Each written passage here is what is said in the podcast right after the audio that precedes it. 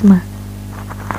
Oke, sekarang aku mau bikin satu season yang ada di dengerin aja dulu podcast itu namanya season monolog. Nah, di season monolog ini uh, sesuai namanya ya monolog. Jadi aku ngomong sendiri gitu. Nah, supaya obrolan-obrolan aku atau apa yang aku akan omongin itu terarah, jadi aku beberapa waktu yang lalu buka kayak Q&A gitu di instastory aku untuk menampung gitu pertama pertanyaan-pertanyaan dari teman-teman. Barangkali ada nih yang punya ide gitu aku mau bahas apa di monolog ini. Dan sebetulnya aku bikin season monolog ini sebagai apa ya istilahnya tuh tolak balik gitu karena di di podcast ini aku mau membuat satu konsep di mana setiap 10 episode itu semuanya berubah gitu. Tampilan visualnya tampilan audionya. Tujuannya adalah supaya aku merasa nggak bosan sebenarnya ini untuk diri aku sendiri aja gitu loh. Karena kalau untuk menuruti orang lain untuk menurut menuruti audiens gitu. Hmm, aku nggak yakin juga banyak orang yang denger ini. Dari pertama kali aku bikin ini juga tujuannya ya aku pengen bikin sesuatu gitu untuk diri aku gitu. Pada akhirnya bisa diupload dan bisa didengerin ya itu bonus gitu. Ada yang dengerin juga wah aku merasa terapresiasi gitu atas niat aku untuk bikin podcast ini oke jadi panjang ya pokoknya di season monolog ini adalah semacam review uh, bagaimana perjalanan 10 episode ke belakang oke okay. di sini ada beberapa pertanyaan yang udah aku susun dan kira-kira bisa aku jawab aku mau disclaimer sebenarnya nggak semua pertanyaan aku masukin sini karena ada beberapa ada beberapa pertanyaan yang kurang relevan untuk aku jawab di sini entah itu akunya enggak ngerti atau aku perlu research dulu gitu untuk bahasan-bahasan tertentu sehingga aku udah susun ini aja deh yang mau aku jawab gitu oke okay. pertanyaan pertama itu hmm, ini ada ini oh ya aku nggak nyusun gitu sih sebenarnya. Kayak yang ya udah. Ya udahlah. Kita lihat pertanyaan pertama. Pendapat tentang kuliah daring. Kuliah daring itu hmm, apa ya? Uh, kuliah kuliah itu kan baru buat aku. Aku jadi mahasiswa baru tahun ini yang kebetulan dipaksakan dalam kondisi yang mengharuskan aku untuk tetap di rumah sehingga kuliahnya juga dalam jaringan atau online ya. Aku memandangnya kuliah daring itu ada sisi positif dan sisi negatif. Pertama kalau sisi negatif tentu aja aku nggak bisa datang ke kampus langsung nggak bisa ngerasain vibesnya gitu. Berada di kampus uh, belajar di kelas, ketemu sama dosen, ketemu sama teman-teman. Dan yang paling utama, ini ada kaitannya juga sama program studi aku atau jurusan aku, yaitu kimia.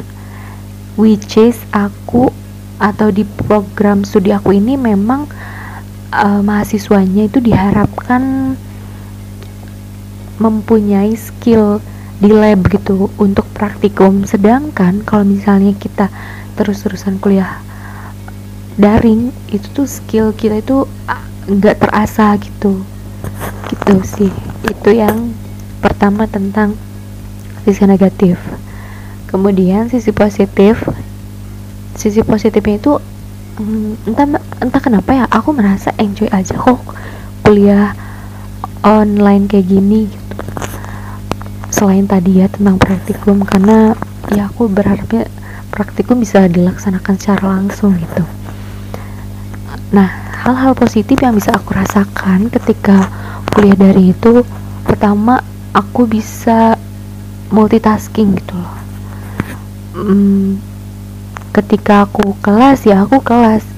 Ketika aku ikut sebuah kepanitiaan sebuah organisasi nah itu tuh membantu banget kalau menurut aku. Karena kita physically nggak harus physically. Apa sih yang benar? Secara fisik secara fisik kita nggak perlu pon pindah pindah pindah pindah bahasa Sunda. Apa namanya? Pindah dari satu tempat ke tempat yang lain kita kayak perlunya ganti link link meet aja link room aja gitu. Entah mau Zmeet atau Zoom kayak gitu. Itu sih sisi positifnya. Selain itu juga aku merasa dengan kuliah dari ini akses aku terhadap berbagai hal atau kesempatan untuk mengikuti sesuatu melakukan sesuatu itu menjadi lebih banyak gitu. Karena tawaran-tawaran yang biasanya kalau secara offline itu akan ribet akan mahal. Tapi di kalau off online kayak gini uh, relatif lebih mudah dan murah gitu. Tapi kalau disuruh memilih kalau ya aku pengennya secepatnya kita berkehidupan normal lagi gitu kuliah ya datang ke kampus lagi gitu. Oh iya satu lagi. Uh, negatifnya itu kayak suasana di rumah itu kadang-kadang agak kurang kondusif apalagi ditambah um, karena kita kuliahnya dalam room gitu dalam koneksi internet membutuhkan koneksi yang stabil. Sedangkan aku agak struggle sih sejujurnya untuk masalah koneksi internet dan juga kadang-kadang di rumah itu kurang kondusif. Entah ada adik aku ada tetangga ada siapa pun pokoknya yang ngomong gitu. Dan aku kadang ke distract gitu sama hal yang begitu. Begitulah tentang kuliah daring. Oke okay, pertanyaan selanjutnya. Impian yang ada di list teratas kamu dan apa prosesnya? Ngomongin tentang impian sebenarnya aku orangnya orang yang suka bermimpi. Itu kayak mimpi pengen ini pengen itu itu. Aku orangnya selalu berimajinasi seperti itu. Cuman aku prefer nggak bilang itu. Karena ketika aku bilang semua impian aku aku merasa udah menyelesaikan aja gitu tugas aku. Kayak wah aku keren kan mimpi aku gitu. Kayak merasa gitu dan akhirnya ada kurang apa ya kurang bersemangat lagi ke akunya gitu. Ataupun khawatir apa yang udah aku ucapkan itu tidak bisa terrealisasikan dan apa ya pokoknya nggak baik lah ke aku. Jadi untuk pertanyaan ini aku jawabnya agak bias gitu ya. Agak nggak um, jelas. Maksudnya nggak nggak statement langsung aku pengennya apa cuman yang aku identifikasi dari diri aku impian apa yang selama ini aku inginkan adalah aku pengen seneng aku pengen bahagia. Dan pengen lihat orang-orang di sekitar aku bahagia. Oleh sebab itu aku selalu ikut kegiatan yang ya aku bahagia gitu kalau ikut itu. Kalau ujung-ujung bikin aku stres bikin aku down ya udah aku pergi sama halnya ketemu sama orang-orang aku gaul sama orang ini aku gaul sama orang itu itu tuh uh, apa ya aku sangat memperhatikan gitu. Apakah aku bahagia bersama dia? Kok gitu sih kalimatnya? Pokoknya apakah aku di satu circle ini aku merasa nyaman merasa uh, positive vibes gitu? Atau malah sebaliknya gitu? Kalau sebaliknya ya aku mending pergi dari itu. Aku iso pilih-pilih hmm, ini tuh pilih-pilih dalam kalau menurut aku pilih-pilihnya bagus gitu loh. Karena gimana ya kita gitu kita melakukan sesuatu ya untuk diri kita dulu kan pertamanya. Kayak gitu. Selain itu aku juga termasuk bikin podcast ini supaya aku bahagia gitu. Hmm, ya aku seneng gitu ketika ngajainnya meskipun kadang-kadang ada struggle juga sih dan seperti aku bilang sebelumnya aku pengen lihat orang-orang di sekitar aku bahagia. Orang tua aku keluarga aku teman-teman aku gitu. Ya meskipun aku kadang nyebelin gitu kan untuk beberapa orang. Tapi sejujurnya aku pengen gitu lihat orang-orang yang di sekitar aku bahagia. Mungkin ini agak sedikit melau sih tapi aku pengen bilang bahwa uh, mm, bahkan jika seseorang bahagianya gak ada aku ya udah sok. Gitu. Ngerti gak sih? Kayak ah yaudah melo gue. Gak jadilah ya pokoknya aku pengen bahagia. Impian aku tuh pengen bahagia. Dan prosesnya dengan mengikuti apa pun yang benar-benar aku pengen gitu. Sehingga aku bisa totalitas dalam mengikuti kegiatan apa pun. Totalitas ambis lah segala macem. Kayak gitu. Pertanyaan selanjutnya kesibukan kesibukan kamu yang sekarang lagi dijalanin? Aku sibuk kuliah. Karena kuliah sekarang tuh gimana ada adaptasi lagi gitu loh. Karena kemarin libur cukup lama. Itu bahkan lama banget sih kalau menurut aku. Kayak ah ini liburan lama banget gitu. Dan sekarang ketika masuk kuliah lagi oh ya ampun udah ada uh, kelas pagi kelas sampai sore gitu. Jadi aku sibuk kuliah. Selain itu aku juga lagi ikut beberapa kepanitiaan sih. Dan juga ada organisasi yang aku ikutin. Gitu sih. Nggak ada banyak hal sih yang pengen aku ceritain tentang kesibukan aku ini. Um, karena ya gitu-gitu aja sih. Kalau menurut aku aku kayak orang lain kayak umumnya gitu umumnya ikut kepanitiaan ikut organisasi. Oh ya sama bikin podcast ini. Gitu. Selanjutnya gimana bisa sampai di titik sekarang? Ujiannya pasti banyak banget kan? Hmm mungkin aku harus nanya lagi nih ya. Di titik sekarang itu di titik apa gitu? Karena itu sangat-sangat subjek subjektif gitu untuk di hmm, apa ya dinalar sama aku sendiri gitu.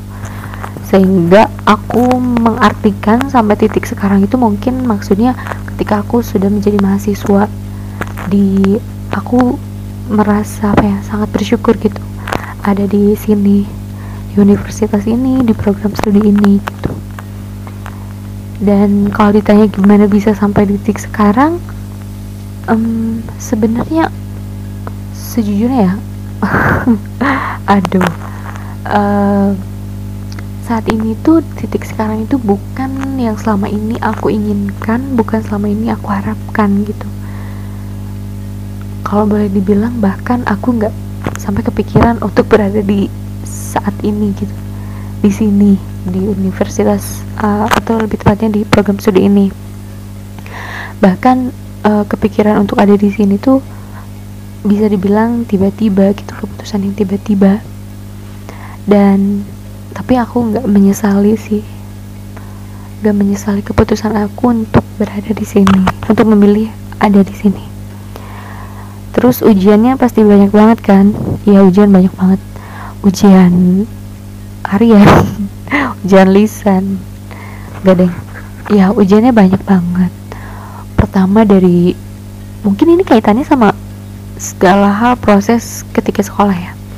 Ujian itu ada ujian di kelas ada ujian mental menghadapi diri sendiri menghadapi temen terus siapa lagi ya? Menghadapi lingkungan. Itu emang banyak banget gitu. Nggak hanya aku pasti kamu yang denger ini juga kayak ya lah semua orang semua orang pasti ngalamin itu gitu cuman aku memandangnya semua ujian yang udah aku lewati itu kayak oh ternyata gampang banget ya. Tapi dulu kok aku sampai nangis-nangis tiap pagi. Sampai merasa paling menderita gitu. Tapi pada akhirnya aku bisa melewati berbagai hal tersebut gitu. Karena apa ya ketika kita melewati semua ujian itu ketika kita lihat ke belakang itu kayak kecil banget. Jadi ya udah kalau misalnya kita sekarang merasa diuji lagi bahkan mungkin yang lebih besar ya pikirannya ini juga akan berlalu gitu. Dulu juga aku merasa ini gede banget tapi akhirnya aku melaluinya dengan baik. Ini aku gak jelas banget ya subjek yang seperti apa. Mungkin ujian sekolah aku struggle. Aku bukan orang yang cerdas cemerlang di kelas gitu loh bukan anak yang nilai selalu 100 90 gitu. Enggak aku orang yang uh, secara akademik standar lah sebenarnya. Terus teman-teman juga aku banyak kenalan. Ya juga sih. Cuman nggak begitu eh nanti aku kalau bilang gini merasa meniadakan ya.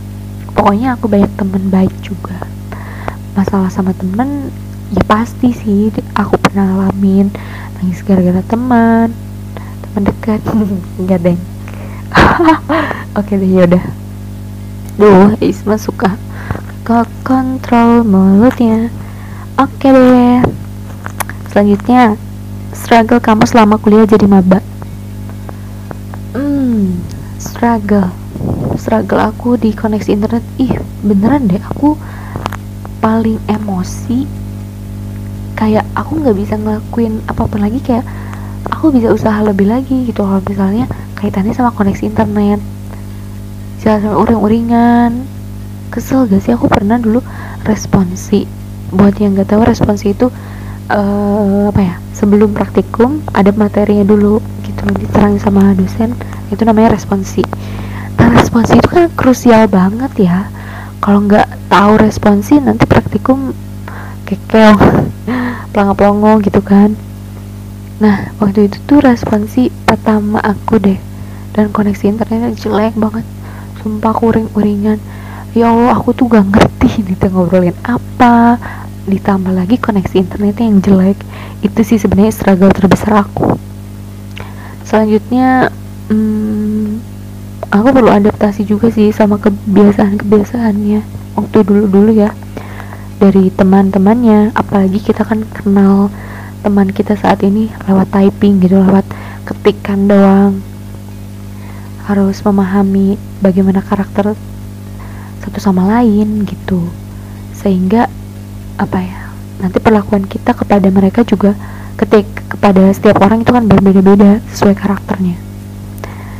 Selain itu juga apa ya udah kayaknya. Aduh kayaknya nggak ada masalah yang berat ya gitu karena sudah terlewati apa aku bilang. Kalau udah terlewati tuh kayak kecil-kecil kerikil gitu. Sama apa ya? Mungkin sama gimana dosen nerangin. Cepet banget. Nggak cepet banget sih karena akunya aja mungkin yang uh, belum bisa mengikuti dengan cepat waktu itu. Terus pertanyaan selanjutnya kan biasanya kamu yang minta orang lain ceritain jurusannya. Sekarang giliran kamu yang cerita masa kuliah dan jurusan kamu. Iya ya aku suka nanya orang. Oke deh aku mau ceritain. Jadi jurusan aku adalah kimia. Kimia ya emang kimia doang gitu. Atau biasanya apa ya mungkin ada bilang juga kimia murni gitu. Dan jurusan aku ini sebenarnya ini nanti bakal dibahas sih? Ada episode yang bahas ini ya spoiler. Yaudah uh, sesuai namanya kimia murni itu yang ngebahas tentang kimia. Gitulah. Kalau dilihat dari mata kuliahnya ada mata kuliah kimia organik ada anorganik ada matematika kimia. Gitu deh. Banyak pokoknya. Terus cerita masa kuliah menyenangkan. Aduh gitu banget ya jawabannya ya. Ya gimana ya? Masa kuliah aku ya begitu kelas pindah ke jimit lain buat rapat buat ikut apa gitulah. Ya gitulah. Oke. Okay. pertanyaan selanjutnya motivasi supaya nggak males. Ini ada yang tahu gak jawabannya? Soalnya aku butuh juga um, gimana ya? Karena aku sebenarnya bukan orang yang rajin gitu loh. Seperti yang aku bilang di awal ya aku tuh akan mengikuti kegiatan yang aku pengen. Begitu pula hal-hal yang lainnya sehingga aku bisa dikatakan bisa sangat rajin dalam satu hal tapi bisa males banget dalam hal yang lain. Jadi motivasi supaya gak males ya ikutin atau lakuin hal yang kita suka. Kalau misalnya ada sesuatu hal yang ternyata mendesak tapi kita gak suka sehingga kita males. Caranya ya kita sukain dulu gitu. Contohnya apa ya? Belajar kali ya. Aku tuh bukan orang yang suka belajar gimana ya? Bukan yang rajin belajar gitu loh sebenarnya. Tapi aku hmm, solusinya adalah membuat belajar itu menjadi menyenangkan. Caranya seperti apa? Aku kan orangnya visual anaknya visual jadi sejak SMA aku tuh nulisnya warna-warni gitu loh. Mungkin itu jadi tren juga sih sebenarnya waktu uh, akhir-akhir ini kayak tulisan hand lettering gitu loh pakai stabilo yang cantik warna-warna pastel. Itu aku termasuk orang yang kayak gitu. Terus orang yang suka ngeprint gambar-gambar di tempel. Nah aku orang yang kayak gitu. Sehingga kalau urusannya sama belajar ya aku selalu memvisualkan gitu apa yang aku pelajari. Apalagi mata kuliah aku sekarang kan kimia gitu. Kimia itu kan goib nggak bisa dilihat secara kasat mata gitu. Jadi sebisa mungkin aku selalu berusaha untuk memvisualkan gitu apa yang aku pelajari. Kayak gitu memvisualkan itu maksudnya hmm, gimana ya? Aku sering gam lihat gambar-gambarnya saya sekarang lagi ngomongin senyawa A, B, C. Nah aku lihat gitu gambarnya kayak gini. Hmm, terus apa lagi ya? Ya gitulah paling. Sama aku nonton video gitu juga sih. Selain itu kalau hmm, malesnya dalam hal lain ya apa ya? Hmm, mager gitu kali ya. Gak ngerjain apa-apa. Uh, pusing juga ya sebenarnya. Soalnya apa sih kegiatan yang biasanya kita males? Bersih bersih kali ya. Soalnya aku apa ya sebenarnya aku suka kebersihan gitu loh. Meja aku tuh harus bersih tapi males. Kadang-kadang males untuk ngebersihin. Tapi karena aku sukanya yang bersih meja aku ya at least ya aku bersihin gitu. Jadi uh, pada akhirnya ya karena kita sukanya bersih kita bersihin gitu. Oke jadi baru itu lihat ya. Intinya kalau dari aku adalah motivasi supaya gak males adalah sukain dulu apa yang akan kita kerjain. Kalau udah suka itu kita akan totalitas di sana. Wow Isma ngomong keren banget. Duh jadi gitu. Eh udah panjang ternyata ya durasinya. Oke deh inilah pertanyaannya Kenapa kamu mau buat podcast? Oke, okay. ini panjang sebenarnya ya. Aku mau cerita deh panjang gak apa-apa ya. Hmm, jadi uh, awalnya waktu itu aku lagi ngerjain laporan praktikum biasalah aduh kebawa tren saat ini ya biasalah ya aku lagi ngerjain laporan praktikum terus udah beres ceritanya terus aku kayak wah seneng banget. Karena ngerjain laporan praktikum itu aku suka suka banget. Semoga ya sampai kapan pun aku suka ada kepuasan tersendiri gitu kalau misalnya udah nyelesain itu. Dan setelah itu beres aku tuh tiba-tiba aja kepikiran bukan buat bikin podcast. Nah awalnya kayak gitu. Terus aku cari-cari tuh gimana caranya untuk upload podcast ke Spotify karena itu kan yang common kan di sekitar kita. Nah aku keinget nih salah satu teman aku yang ada di kelas OKK jadi di Unpad itu ada TPB uh, eh, mata kuliah TPB OKK nah aku ingat ada kelompok OKK yang bikin podcast. Aku langsung nanyain tuh aku lupa namanya sorry banget. Pokoknya ada deh teman aku gitu. Terus aku chatin kan gimana caranya? Eh nah sebelum aku nanya sebenarnya aku searching dulu di YouTube gitu cuman bingung kan ini mulainya dari mana gitu. Yang aku ngerti ya ada sih. Ngerti sih cuman kayak butuh orang uh, istilahnya butuh tutor langsung gitu kan. Aku nanyain tuh gimana nih caranya? Ya udah sama dia bener-bener dituntun gitu sampai akhirnya uh, episode pertama atau trailer itu upload di Spotify. Itu aku seneng banget. Makasih ya buat aduh aku lupa. Maaf banget. Pokoknya kamu yang bantuin aku. Makasih banget. Nah itu kan ceritanya. Tapi jauh dari jauh dari itu semua aku sejak SMA anaknya tuh YouTube banget gitu. Internet banget. Apa-apa Google apa-apa YouTube. Dan itu dilatar belakangi sama sebuah peristiwa. Jadi waktu itu lagi ngetren banget bikin aduh jangan bilang deh uh, pokoknya lagi ngetren banget bikin sesuatu. Terus aku nanya nih ke temen aku kan. Nah aku yakin dia tuh bisa bantu aku gitu untuk uh, ngasih tahu gimana sih caranya gitu. Ternyata dia bilang gini ya udah cari aja di internet. Aku aku susah jelasinnya. Uh, kurang lebih kayak gitu ya kalimatnya. Terus aku di sana bener-bener sebenarnya daun gitu sakit hati ya. Kenapa orang yang pikir akan bantu malah ngelemparin aku ke internet. Kayak disuruh aku ngerjain sendiri gitu. Justru aku tuh pengen cara cepet makanya nanya gitu kan. Tapi dari sana aku dapat sebuah pelajaran bahwa jangan bergantung sama siapa pun gitu terutama sama manusia yang ya terbatas lah kita tahu.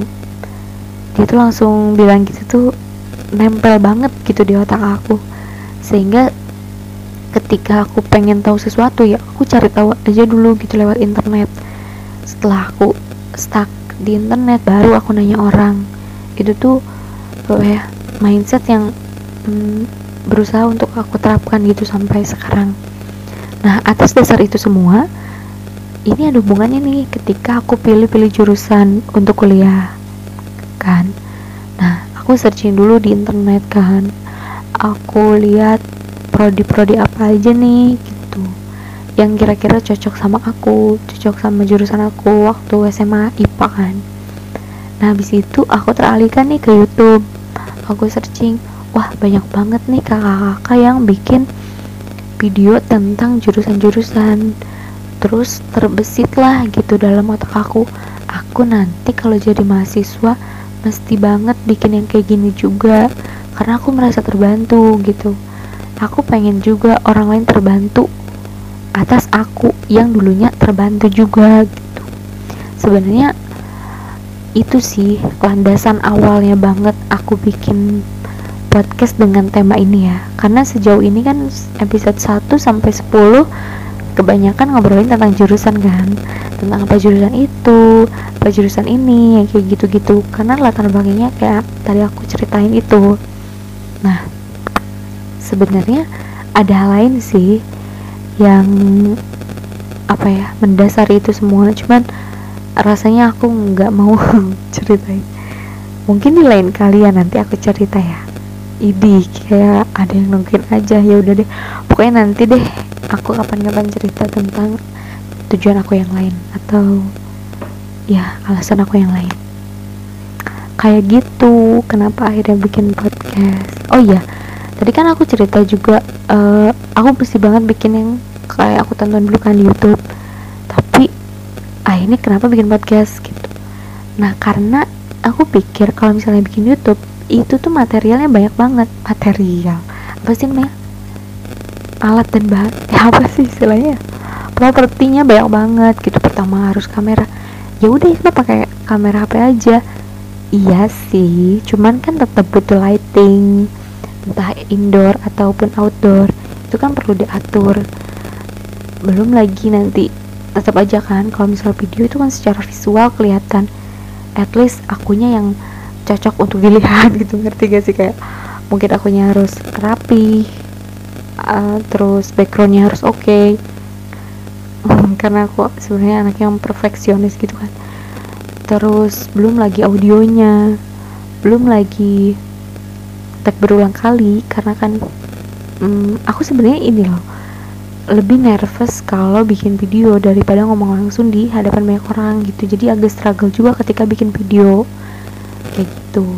Terus pada saat itu juga pas awal-awal maba aku tuh dikenalin sama podcast yang ada di fakultas MIPA eh MIPA namanya itu berita cerita. Eh aku lupa cerita atau berita. Pokoknya itu deh teman-teman boleh cek deh Spotify-nya. Eh, podcastnya di Spotify. Dan itu tuh ngejelasin tentang FMIPA gitu. Nah setelah aku denger podcast itu tuh aku jadi seneng juga denger podcast podcast yang lain. Walaupun sebenarnya dari dulu aku suka denger podcast. Kayak ada, dulu podcastnya aku dengerin ini. Ada orang yang ngejelasin tentang biologi. Waktu zaman zaman USBM tuh aku dengernya podcast itu. Meskipun ya apa ya? Kurang aja sih kalau di aku belajar lewat audio aja. Terus aku juga seneng dengerin podcast. Apa ya? Lupa. Pokoknya uh, monolog gitu terus sejarah terus pandangan atau isu-isu kayak gitu. Aku dengerin juga. Nah dari sana ya udah deh daripada aku nungguin mampu gitu kan istilahnya untuk bikin YouTube untuk tag video editing.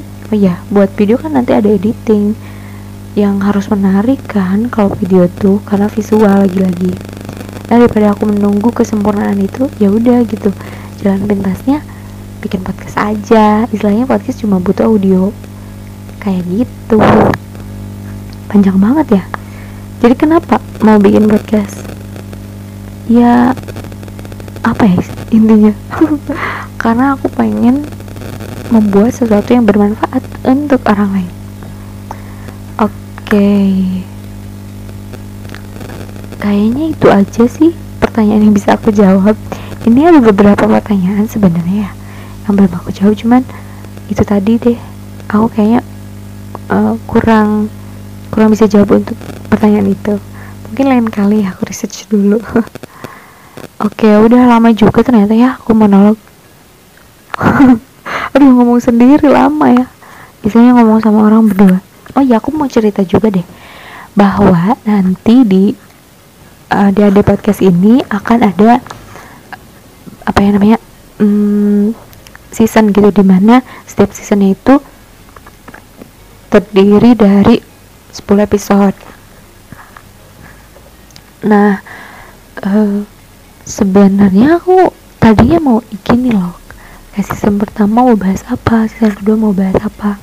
Cuman aku keterbatasan pokoknya keterbatasan deh. Jadi masih kayak campur-campur gitu. Dan untuk pembicara ada beberapa juga nih yang nanya itu gimana pembicaranya? Gitu. sebenarnya pembicara itu bener-bener orang yang aku kenal aja gitu. Tiba-tiba aku chat dia mau nggak jadi pembicara di podcast aku gitu. Awalnya kayak gitu. Ke depannya aku harap bisa hmm, apa ya ngobrol sama orang-orang yang belum aku kenal gitu. Sambil kenalan juga kan. Oh jadi kelupaan deh.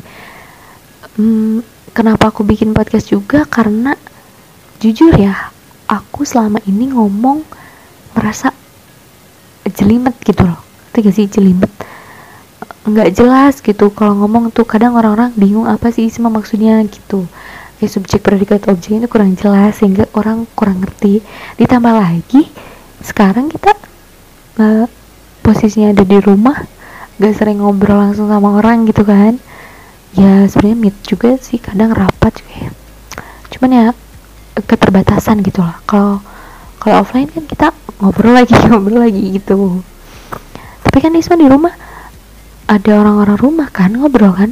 Ya ngobrol sih cuman kayak beda aja gitu ngerti gak sih? Ya beda pokoknya. Sehingga itulah ketika aku bikin podcast ini harapannya aku bisa terlatih juga gitu cara ngomongnya. Terus cara nanya ke orang gimana yang baik gitu. Dan uh, di sini kan posisinya aku nanya kan gimana caranya aku bertanya tapi nggak memotong pembicaraan orang lain? Itu kadang-kadang susah loh bagi aku. Kadang aku suka terobos aja sebenarnya itu kan gak baik ya. Ya gitulah. Intinya selain alasan-alasan lain yang udah aku jelasin sebelumnya alasan selanjutnya adalah untuk memperbaiki gimana cara aku ngomong untuk public speaking kayak gitu. Itu deh. Jadi kepanjangan ya ya pokoknya gitu aja sih tentang jalan obrolan aku ya. Oke semoga bermanfaat deh. Nanti mungkin kita akan ada monolog-monolog selanjutnya. Ya dengerin aja dulu. Siapa tahu suka. Sampai jumpa di podcast selanjutnya. Oh ya terima kasih sudah mendengarkan. Mohon maaf kalau ada pemilihan kata yang salah Bye.